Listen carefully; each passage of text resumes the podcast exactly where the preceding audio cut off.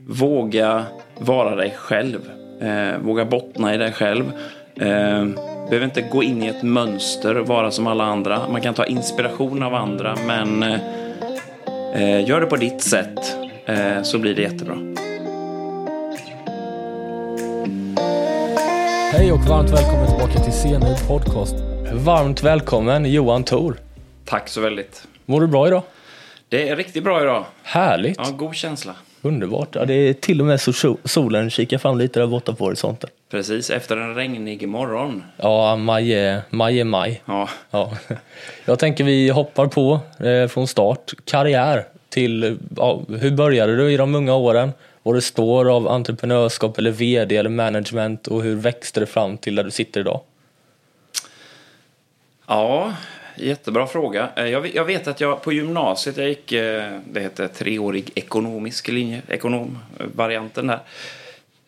Jag berättade väl inte så mycket för mina föräldrar vad jag ville eller inte. Sådär. Jag vet, vet inte om jag visste det heller. Men, jag, men, men, när jag fick en fråga en gång i Jönköpings-Posten och gjorde en sån här klassporträtt så sa jag tydligen, har jag läst efteråt, att ja, men ett eget företag hade nog varit trevligt. Det har jag inte haft i och för sig, men, men det tyder väl ändå på någon sorts entreprenörsanda. Så att en idérikedom och lite hitta på lite nytt har jag nog alltid haft i mig.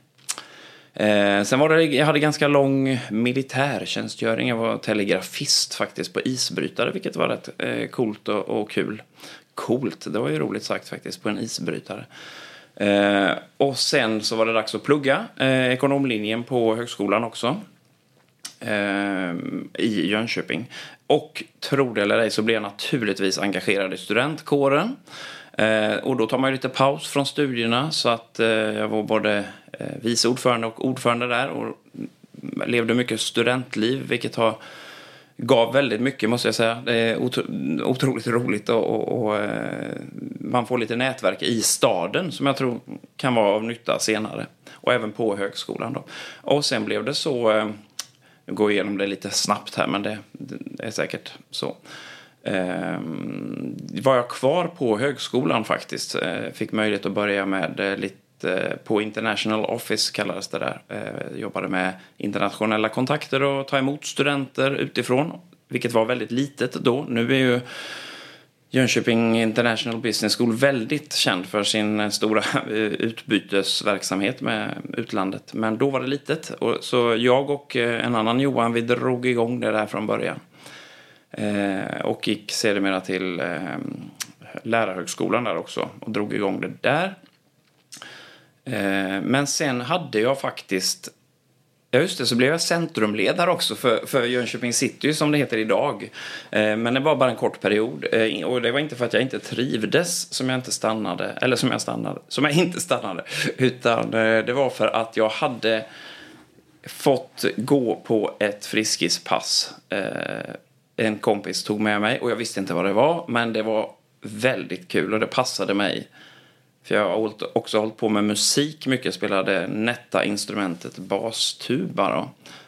Tänkte jag ska ta något smidigt som man kan sitta och underhålla vid lägerelden liksom. Eh, så det blev bastuba. Eh, spelat mycket där. Och, och, och i och med det så är jag, eller inte i och med det, men jag är ganska musikalisk. Och, och gympan då i detta fallet, det var verkligen bra träning i kombination med rörelse. Och det var min grej kände jag. Så då eh, blev jag ledare, eller jag började på Friskis, jag blev ledare och sen fick jag också möjlighet att eh, bli anställd där som verksamhetschef redan eh, vid millennieskiftet där.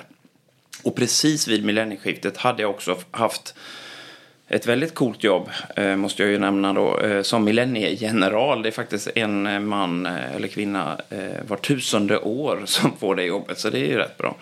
Ehm, och höll ihop kommunens millenniefirande i några månader där. Men sen var det Friskis faktiskt. Eh, och där kan man ju undra varför har jag varit så länge? Eh, för det var ju år 00 alltså, alltså inte år 00 utan eh, 2000. Men det är just det att vi har kunnat förändra oss, vi har kunnat gå framåt, vi har kunnat bygga ut, hitta nya anläggningar, nya orter, tänka nytt. Så därför så känns det inte som att jag har varit länge, för det är hela tiden en ny verksamhet liksom. Men du pratar om högskolan, du pratar om din musikalitet mm. och att det någonstans har varit en enorm drivkraft inom din ungdom. Tror du att det är det som har format dig till att dra ihop gäng och lite enkelhet för att dra ihop gäng och sen hamna då på ett välkänt stort gym? Som vd? Ja, jag tror det ligger mycket i det. Studenttiden var ju... Jag vet inte om jag visste det innan, men jag, det, det blev ju i och med att man blir studentkårsordförande och så, så bli, går man ju i bräschen för mycket. Alltså man får stå, stå längst fram och det visade ju sig att jag var ganska bra på att i stunden, vi säger att vara toastmaster på en fest, det, det passade mig utmärkt. För jag kan vara lite snabb i tanken, hoppa in, sjunga lite eller säga något eh, kanske roligt och så vidare. Eh, så, så det tror jag formar mycket. Jag hittade mig själv där. För jag var, tidigare under skolan så var jag inte den som gick längst fram så, utan det formade mig. Men däremot musiken är inte riktigt så, utan där, eh, alltså som musiker menar jag, utan där går jag in i en annan roll. Så vilket är väldigt skönt. Där blir jag musikern, jag sitter kanske längst bak i en orkester, spelar på min tuba eh, och är nöjd med det. Eh, och tycker det är jätteskönt. Så att det, det, man har olika roller i olika situationer. Vad är det mm. bästa du har känt av hittills i din karriär på Friskis? Vad är det roligaste momentet du har haft? Um, det är alltså svårt att säga, men, men det är ett väldigt bevis på att jag och, fram, inte framförallt, men jag och mina kollegor hade gjort ett väldigt bra jobb. Det var att jag eh, blev utnämnd till årets Jönköpingsambassadör 2013 faktiskt. Så det, det var ju väldigt eh, hedervärt pris att ta emot och någon sorts bevis. Eh, men sen är det, det kan vara andra stunder. Det kan vara som häromdagen när jag tog emot en eh, blivande medlem i receptionen i Värnamo och fick honom att bli jättetänd på det hela för han var väldigt skeptisk när han kom in och lite rädd. Du vet, man ska gå in på ett gym sådär. Eh, och det gav mig hur mycket värme i själen som helst. Så sånt går jag också igång på, så det är inte bara stora utmärkelser. Eh, marknadsföring har vi ju jobbat mycket med. Det har också varit, eh, ja det fick vi också ett pris tidigt 2000-tal där. Eh, som också, när man ser att marknadsföringen bär frukt, då blir det väldigt rolig känsla. Eller en skön känsla. Det känns mm. också som att du som VD går ifrån lite det här standardaktiga business-VD stuket mm. i att du är en väldigt känslovisande människa. Du skriker väldigt mycket glädje, du hoppar runt mellan tankar och idéer blixtsnabbt. Det, det känns som att du är en, en annan typ av VD som får det att funka extremt bra ändå. Hur, på vilket sätt försöker du leda dina medarbetare till att utvecklas och växa? Så som Friskis mm. har gjort de senaste åren. Ja, tack så mycket för det, de orden där. Eh, jag tror att där, där är ju Friskis har ju en väldigt unik position också faktiskt. För vi är ju verkligen en blandning av business och idrottsvärlden. För vi är idrottsförening i grunden. Sen har vi bolag också som liksom, vi måste tänka business, vi måste tänka marknad, kunder, sälja. Men vi, vårt stora mål är att få så många som möjligt att röra på sig i grunden. Sen måste vi också tjäna pengar så att vi kan utvecklas och så. Men det på något sätt har skapat en avslappnad känsla i hela vår verksamhet. Och det är därför jag passar in tror jag, för jag är lite sån. Jag kanske sällan, eller vi har inte den kulturen helt enkelt med kostym till exempel eller slips. Eller det, ja, slips är inte så poppis just idag, men, men, men skjorta till exempel, det är inget som man måste ha. Det får man gärna ha. Det är jättekul om man har det. Men, men det är absolut ingen som tänker på om du har träningskläder en dag. Eh, vad var din fråga? Förlåt. Det, men det känns som att ja. den promotar väldigt mycket. Kom som du är ja. och prestera mm. på din absolut högsta nivå utan gränser. Ja.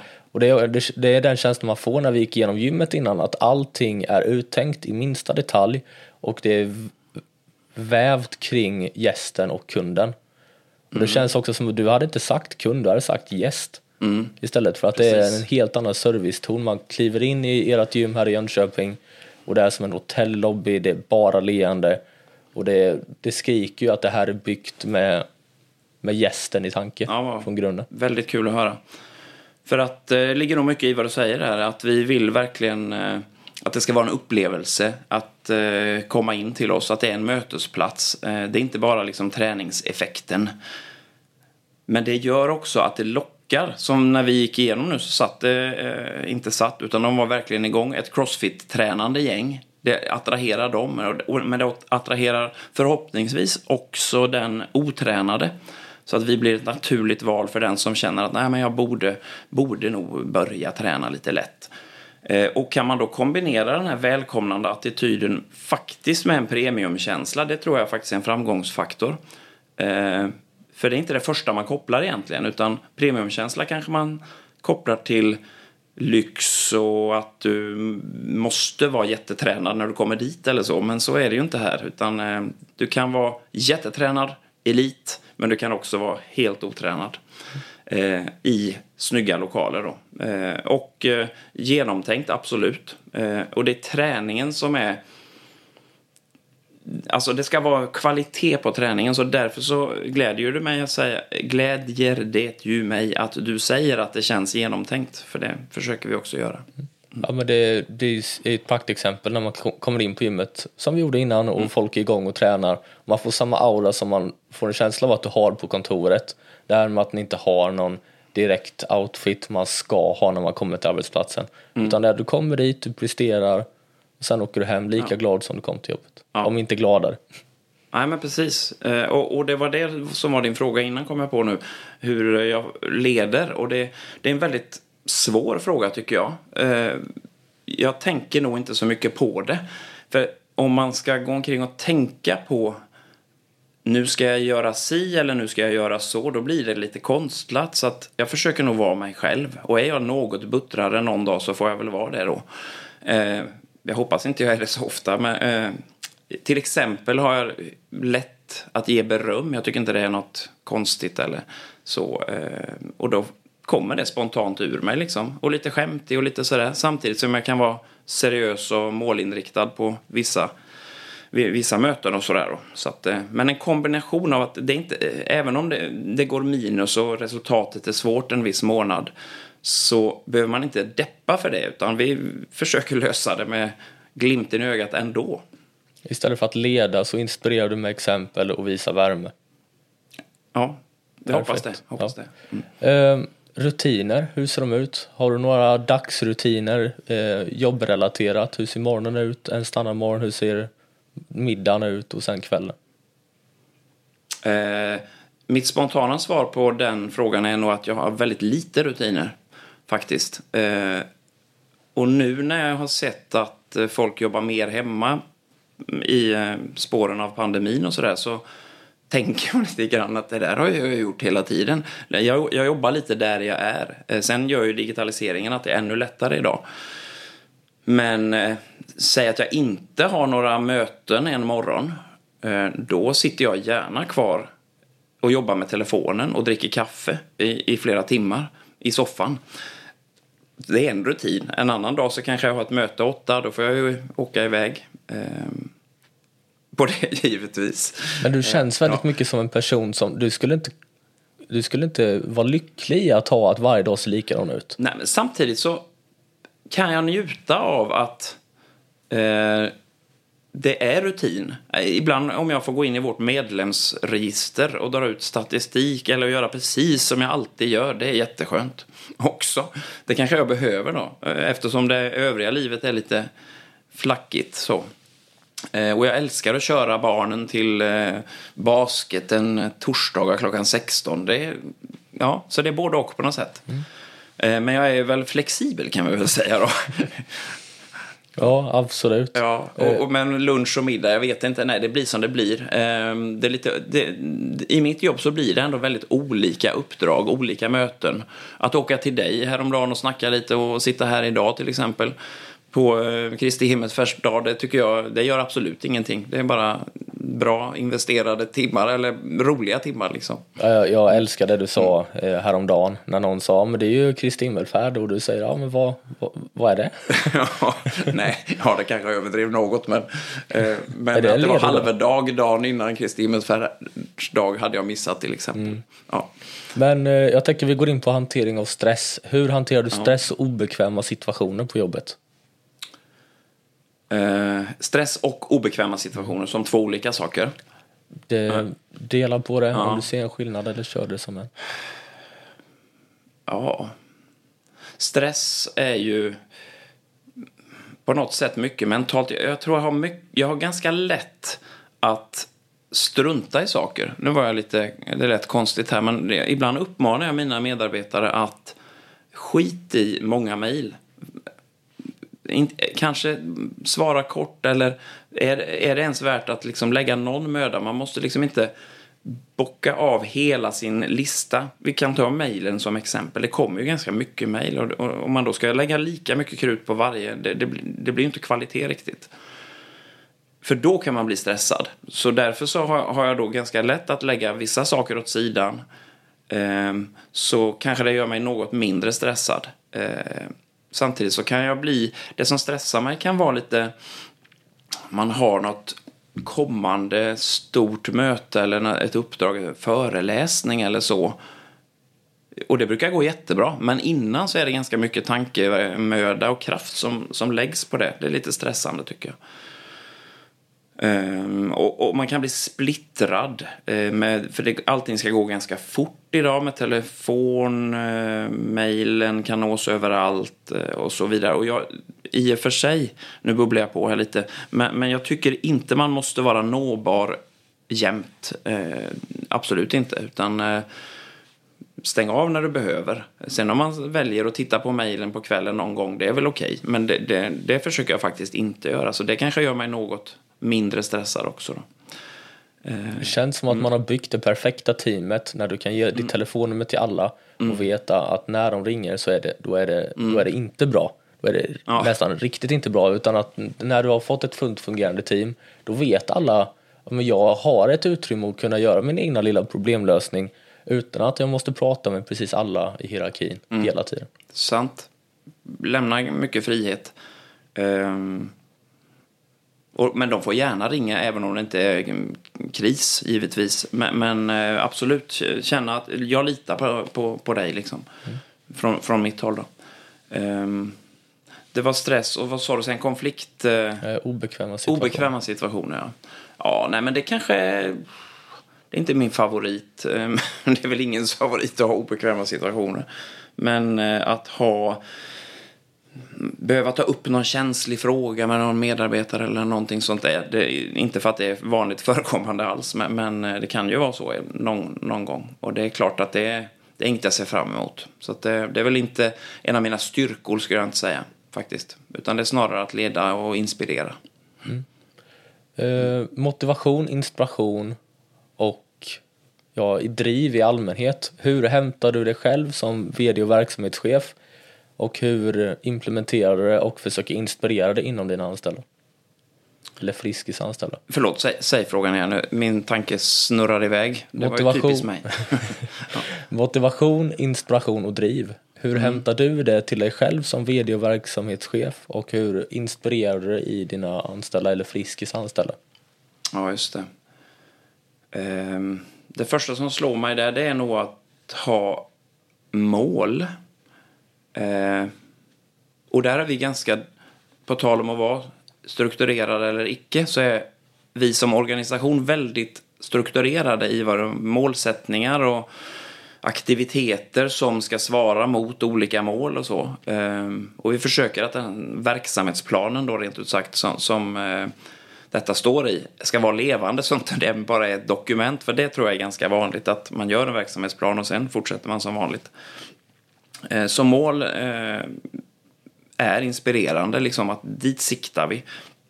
Men också att bygga ut eh, verksamheten. Eh, nu till exempel ska vi öppna på Skeppsbron i Jönköping i oktober. Och då vet vi ju att då ska vi öppna första oktober liksom. Och då, då har vi det som ett mål. Och när vi gör det så är vi väldigt nöjda. Och då har vi en som en och då är det viktigt att fira lite också. Så att eh, man har mål och, och jag tänker också på min egen vi kommer kanske in på det sen, men, men att eh, mig passar det att ha ett lopp till exempel som träning. Att sikta på det loppet, liksom, det är målet.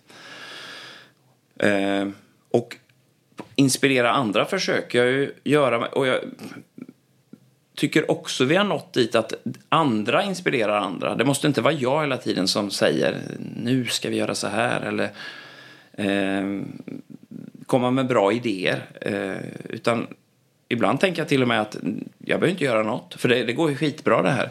Alla är jättekreativa och strukturerade och allting på en gång. Och då tycker jag att vi har nått jättelångt. Så kan jag lite grann luta mig mer tillbaka ibland. När du tog över stafettpinnen på er förra eh, verksamhetsplats bort mot Munkåstaden. Ja, just det. Hade du en vision eller tänkte du ens att vi kan ta verksamheten från 3 500 medlemmar till över 17 000 då?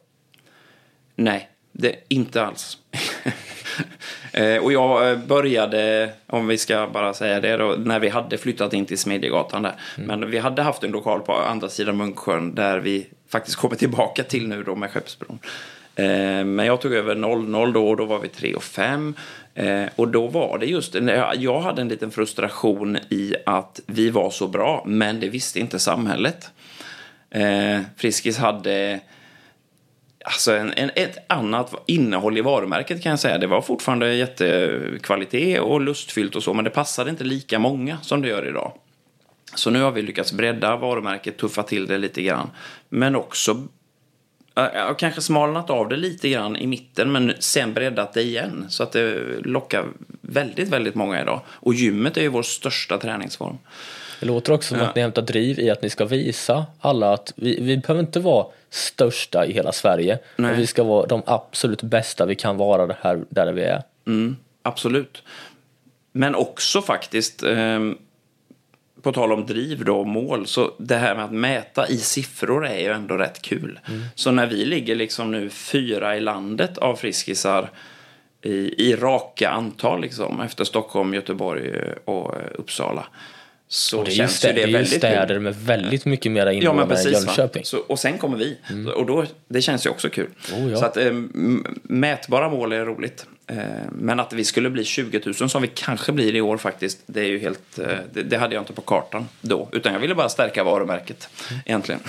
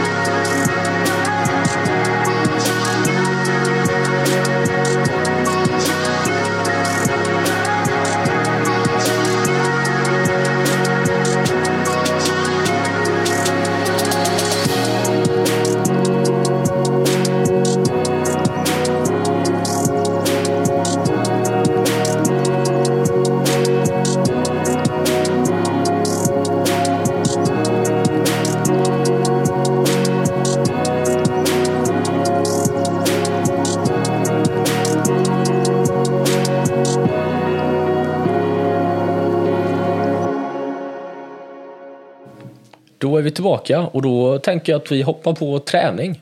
Ja, men det känns ju faktiskt ja, relevant. Väldigt passande. Ja.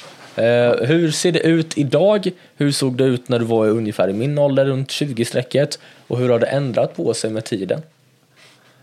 Ja, det är en jättebra fråga.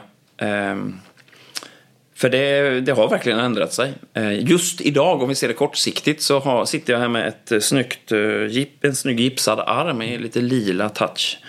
Eh, och det är faktiskt så att min bicepssena gick av i en paddelmatch. Eh, det... Vann ni? jag tror faktiskt vi hade... Jag ska låta det vara osagt om nu motståndarna lyssnar här. Men jag tror vi ledde i alla fall när det väl hände.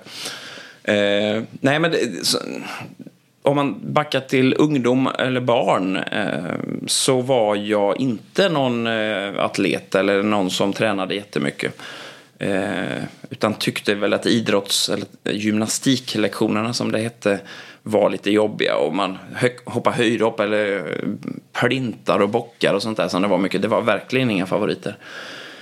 Eh, och sen i fotbollslag så skulle man välja, välja lag och sånt där. Och, ja, du vet, det var väldigt dålig psykologi då för tiden. Det låter som att det var stenåldern här, men det... Eh, ja, det där med det var inte sådär att alla kändes som att alla fick vara med. Utan det var, det var rätt så tufft egentligen tycker jag. Om man ser på det i backspegeln. Det var som världen var, det var lite hårdare. Ja, det var det faktiskt. Det är varmare idag. Mm. Eh, I dubbel bemärkelse. Ja. Men i alla fall, eh, sen blev det faktiskt på tal om paddel så badminton blev det ganska mycket på gymnasietiden och så. Men det var fortfarande inte så att jag var någon tränande människa. Utan det var faktiskt när jag gick in på Friskis den där gången eh, som jag blev en mer tränande människa. Och då blev jag, ofta blir man ganska hooked på sånt där eh, någonting. Och det kanske är också lite symptomatiskt för mig att jag går in i det, det jag gillar ganska mycket Eh, under en period. Och, och den första träningsformen där var ju gympan. Så då blir det väldigt mycket gympa och den är väldigt allsidig. Eh, kanske låter lite flummigt i mångas öron med gympa, men det är alltså både styrketräning, konditionsträning och eh, rörlighetsträning i en, en förpackning. Och sen har ju Friskis utvecklats och har massor av olika typer av träning. Så sen har det varit mer gym ibland, så jag har blivit mer en gymmänniska. Så nu, jag menar, idag är jag ju en, en träningsmänniska som, och representerar ju träning verkligen. Eh, och lite, lite åt crossfit-hållet eh, en period. Eh, men eh, sen gled jag in på, jag skulle skriva en text vet jag i något sammanhang. Och så, vad fasen ska jag skriva? Så att jag tänkte, mm, nej men lopp. Klassik, jag ska göra klassiken. Jag skriver det här, tänkte jag. Så har jag skrivit det, då, då är det ett löfte liksom. Så det blev liksom på den vägen sen att eh, göra en svensk klassiker och sen blev det faktiskt triathlon också och det har jag hållit på med ganska mycket de senaste fem åren. Så jag gjorde faktiskt Ironman Kalmar en gång också, en, en hel dag där. Eh, sen har jag tappat sugen lite under pandemin och tränat mer tillbaka till spinning och skivstångsträning och så. Väldigt detaljerat. Ja, ja men det är ja. jättehärligt att höra. Ja. För en som, kommer, en som vi pratade med igår som vi kommer släppa nästa vecka. Ja. Han har varit PT inom elitbransch ner till ungdomslag i 30 år. Mm. Han säger ju att den perfekta träningstypen är en växlande form av träning. Där du kör många olika typer av träning och blandar utöver månader för det är så du blir det är så du får upp kontinuiteten i det. Verkligen. Att du verkligen kan köra det gång på gång på gång igen utan att tappa intresset heller för allting blir nytt och spännande. Stämmer. Och det, och det har visat sig ju eh, i att de som blir väldigt bra, vi kanske eh, säger fotbollsspelare eller så, de har oftast haft en väldigt bred träningsbakgrund i sin ungdom. Så att specialisera sig för tidigt kan vara lite av ondo faktiskt. Ja men det, det, blir ju lite, det blir lite tråkigt för när du, ja. när du precis börjar med någonting mm. då har du inte hela tekniken bakom dig i huvudet hur du ska röra benen, hur, exakt hur du ska ställa upp dig inför varje övning och liknande. Ja. Och då kan du inte maximera varje potens, potential i varje övning. Nej. Så då blir det rätt mycket om en spark blir bara en spark. Men för någon som har gjort MMA i 20 år så är spark en hel värld. Precis. Mm. Och det måste finnas en eh, lust fyldhetsfaktor i det. Och det är en av Friskis stora deviser, men att det måste vara lite roligt. Eh, så att lusten får driva dig. Sen kan det inte vara jätteroligt precis jämt när du håller på, men, men totalt sett så ser man eh, ändå fram emot träningen på något sätt. Det låter som att du passar in din personlighet väldigt ja. mycket också. Det är toastmaster. Ja personen som älskar att röra på sig, som är lite mus mer musikalisk. Och det är ju det Friskis var från början och som ni har byggt ut på fast ändå adopterat in många av de här andra klassiska typerna av träningarna som crossfit och mm. Eh, bodybuilding och heavy weight lifting ja. och liknande. Ja, jättebra tolkat. För där har vi ju, vi har grunden, vi har själen i musiken eh, och gympan kanske. Men den är idag bara en av alla andra pass. Liksom. Men själen finns där, så därför så tycker vi det är viktigt med vilken musik det är i gymmet. Eh, i och för sig mindre klagomål om man kör lite mer mainstream. Men eh, ja, det, det, det, är viktigt. Att, en devis jag har är till exempel att det får inte vara för låg volym i ett gym faktiskt. För då, vad spelar det den, då för roll? Den dör ut då, ja. man kommer inte in ja. i den där bubblan. Precis. Mm. Det är som du, som din personlighet antyder, musikalitet mm. inom träning är mm. vitalt. Ja. Jag, jag har tränat väldigt mycket i min ungdom, jag har tränat med väldigt många olika typer av människor som idag tränar på väldigt olika sätt och alla har ju samma ståndpunkt i att musiken kan förstöra och göra ett träningspass. Mm. Verkligen. Verkligen.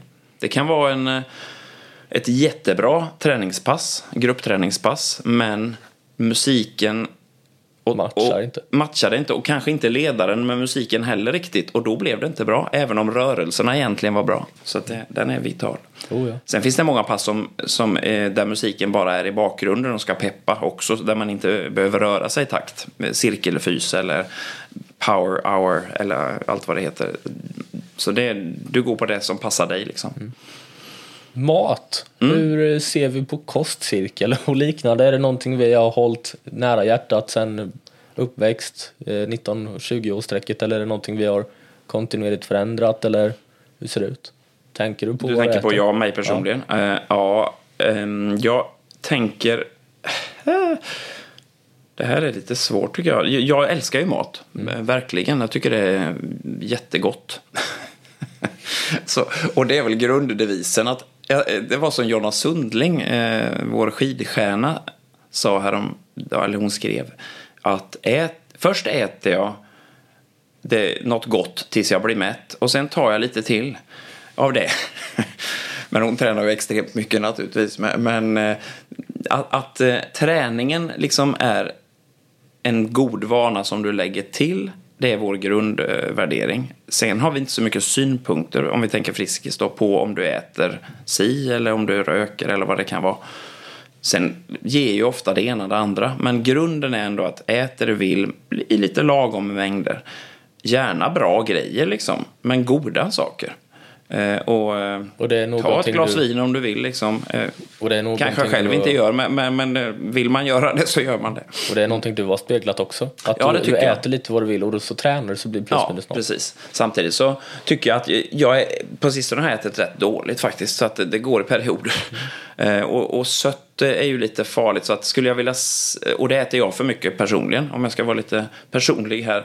Så eh, det tycker jag själv att jag borde verkligen dra ner på lite. För det, där är vi ju i Sverige. Vi äter väldigt mycket sött. Och söta drickor till exempel är ju en, en bov i, i dramat också.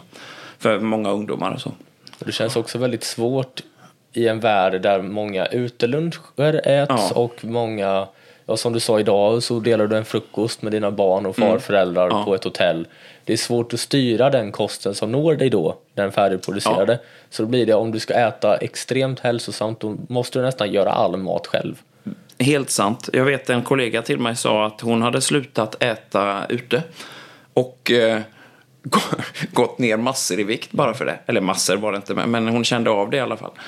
Eh, så den är nog, jag menar inte att kritisera den, men den innehåller nog mycket energi, den eh, lunchen. För att de ska försöka få den god och det ska göras mycket och så vidare. Så att, eh, men eh, sammanfattningsvis så är väl kost, alltså tallriksmodellen är ju en bra modell. Att blanda verkligen grönsaker och proteiner och kolhydrater i lagom mängd liksom.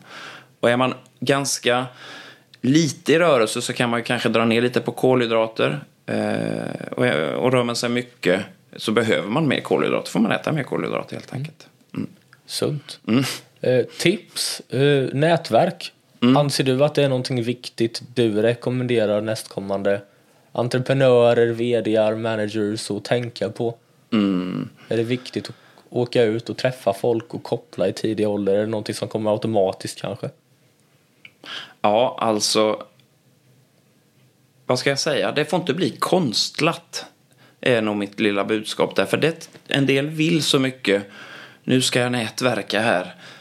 Så det blir, det blir liksom lite Påtvingat? påtvingat på något sätt. Ja. Det, det tror jag inte på. Eh, Jag vet när jag var på högskolan och åkte på någon eh, konferens eller sådär. Då tänkte jag nu måste jag prata med massor av människor. Och så hade jag inte gjort det sen riktigt. Eh, och då kände jag mig missnöjd med det liksom. Men sen har jag ju ändå blivit ganska igenkänd av ganska många så det har blivit automatiskt ett stort nätverk ändå. Men jag är inte sån som söker mig till sammanhang bara för att nätverka. Utan det, det är på något sätt automatiskt. Men det kanske är, jag ska vara tacksam för att det har blivit så för mig. Att många har faktiskt känt igen mig. Ehm, så då blir det lite automatiskt. Men, men det, jag, jag tror samtidigt det kan vara väldigt bra att ha ett driv av att vilja möta många människor. Eh, Men gör det naturligt att vara dig själv. Då tror jag det blir bra. För det känns Mm. väldigt mycket så att de som försöker klättra på andras framgång Ja, det blir det du be- betonas som konstigt, lite påtvingat. Precis. Samtidigt som du klättrar din egna stig så kommer folk stigas och kopplas ihop med din egen och så kommer du träffa någon vid rätt tillfälle. Ja. Och då kommer det föras kanske en ny idé eller ett nytt samarbete och då kommer det vara mycket mer naturligt än att man åker genom land och rik och försöker dra tag i någon. Desperat liksom. Ja, nej men absolut. Så att eh, jag tror att man kan, om man ska skicka med någon, någonting till ungdomar, det känns så konstigt att vara senior här, men det är ju faktum. Eh, så, så är det väl att vila lite i det. Var inte desperat, bli inte, få inte panik om du inte känner att du har något jättenätverk, utan det, det på något sätt kommer att lösa sig. Uh, yrkesområden. Vad ser du som vd och ja, verksamhetschef på ett större bolag i Jönköping? Vad ser du är, kommer bli kanske lite populärt inom i alla fall din bransch? Om man ska in i den som entreprenör. Eh, Du menar trender och vad som kommer inom vår bransch? Ehm, ja, jättebra fråga. Ehm, Under pandemin trodde vi ju nu kommer folk att verkligen träna ute även efter pandemin eftersom man tränade mycket ute under pandemin. Men, men det blev nästan så att det blev nej, nu har vi tränat nog ute här. Det gäller inte alla givetvis, men vi känner det att eh, intresset för att både leda pass ute och gå på pass ute har minskat så att eh, vill man vara inne igen. Eh, sen kan vi ju inte säga annat än att digitaliseringen då givetvis påverkar vår bransch. Det kommer många nya, lite roliga idéer. Eh, alla är inte bra, men eh, det finns ju vissa smarta eh, lösningar och koncept eh, på det. Sen tror jag väl ändå att eh, om man på något sätt utvecklar typerna av pass eh, i, i förhållande till trenden. Att, till exempel om vi tittar bakåt lite grann i alla fall så är det ju både den mjuka träningen, den lugna träningen med lite inre lugn, typer yoga och den stenhårda träningen, eh, typ crossfit. Eh, om man flörtar lite grann med båda de trenderna så blir det ganska bra. Eh, Men att säga exakt vad som komma skall inom eh, branschen eh, tror jag inte jag ska ge mig in på just idag. Men det kändes som när vi var högst upp här i det här gigantiska gymmet. Ja, ja. på översta våningen så bemärkte jag det och du sa varför. Jag frågade varför har ni rätt lite grejer, ni har rätt lite prylar på golven och du sa det, ja men det blir ju irriterande ifall man går in i saker hela tiden. Och då blir det ju så det kanske är ett fokus som man ska ha som man sitter och filar på någon idé att den, den ska vara användbar i många, många olika arbetsområden. ja, och det har ju varit vår grej faktiskt i x antal år nu att, att ha ganska luftiga gym. Ehm, och det är inte för att spara pengar på maskiner utan det är snarare att det inte ska kännas som en djungel och att det ska finnas utrymme för funktionell träning. Och det har ju varit en, en trend i många år att man jobbar med småredskap och, och den egna kroppen. Så det är, ju, det är ju en trend som jag tror kommer att hålla i sig om vi ska prata trender igen. Och då blir det också Ja. kreativa delen kommer in mycket, mycket mer Ja. då du inte är helt låst i varenda träningsmaskin. Utan du kan sätta dig ner om du är intresserad av en viss typ av träning, då gör du research och så Mm. ser du, här finns alla materiella ting jag behöver för att utföra det. Då kan du göra det på ett mycket enklare sätt. Eh, Men också mätbarhet i eh, till exempel spinningen, att eh, ha pass där man väter, eller väter, ja det gör man också, golvet. Men man mäter hur mycket watt man producerar i, när, när man trampar om. Och så har man sitt eget eh, så kallade FTP-värde att förhålla detta till. Det älskar ju folk, att ha en mätning och någonting framför sig och sådär. Så den, den trenden kommer ju att hänga i också. Mm. Men just eh, maskinerna har också sitt område ska vi säga. Så man ska inte ta bort maskinerna helt. Utan det är många som känner sig väldigt trygga i dem. Och man kanske kan ta i väldigt hårt för att man vet, att, man vet hur banan på en maskin är. Eh, Men de små stabiliserande musklerna kanske inte får riktigt lika mycket i en maskin. Då. Men de har också sitt eh, syfte, absolut. Det känns som att Friskis har en väldigt fin balans i det. Att ni ger Ja. utrymme till maskinerna för en viss del men ni, ni försöker inte sätta dem på varandra överallt. Nej. Och det är väldigt skönt för ögat att se. Om, I alla fall om man Mm. är intresserad av träning i allmänhet. Precis. Ja, kul att höra. För det, det är så vi vill att det ska vara. Uh, Jag tänker hoppar på sista frågan. Mm.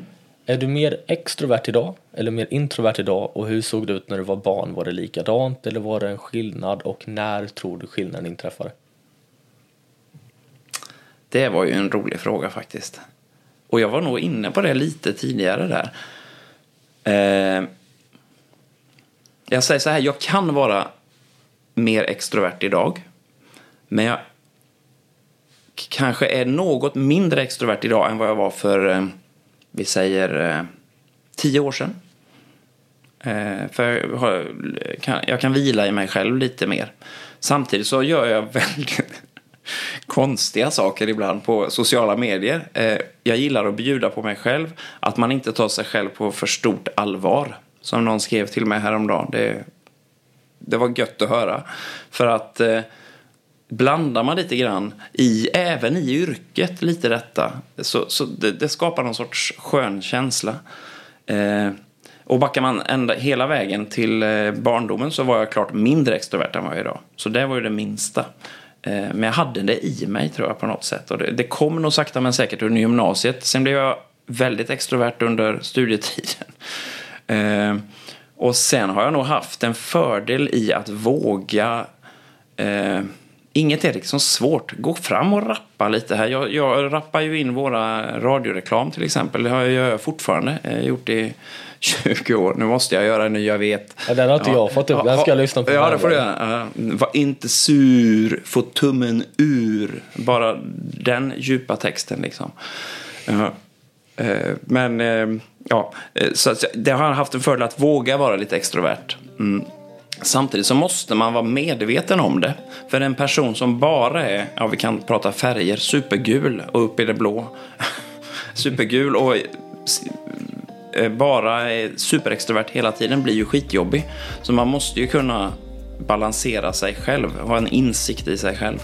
Jätteviktigt. Och det Så känns som att du ja. är tillräckligt insiktsfull för att kunna styra det helt och hållet också. Ja, tack ska du ha. Jag kände att jag blev alldeles exalterad här. Nu blev jag lite extrovert. Ja. Ja. Men underbart, då tänker jag om du tittar in i den kameran där och ser du ditt absoluta tips till de i min ålder som har hela sitt karriärsliv framför sig. Oj, mitt absoluta tips är att våga vara dig själv. Eh, våga bottna i dig själv. Eh, behöver inte gå in i ett mönster och vara som alla andra. Man kan ta inspiration av andra, men eh, eh, gör det på ditt sätt eh, så blir det jättebra. Tack så jättemycket. Otroligt kul att prata med de här 40 minuterna Ja, och hoppas att vi syns igen. detsamma. Väldigt bra frågor och kul att prata med dig. Tack så jättemycket. Eh, Och ha en produktiv arbetsvecka.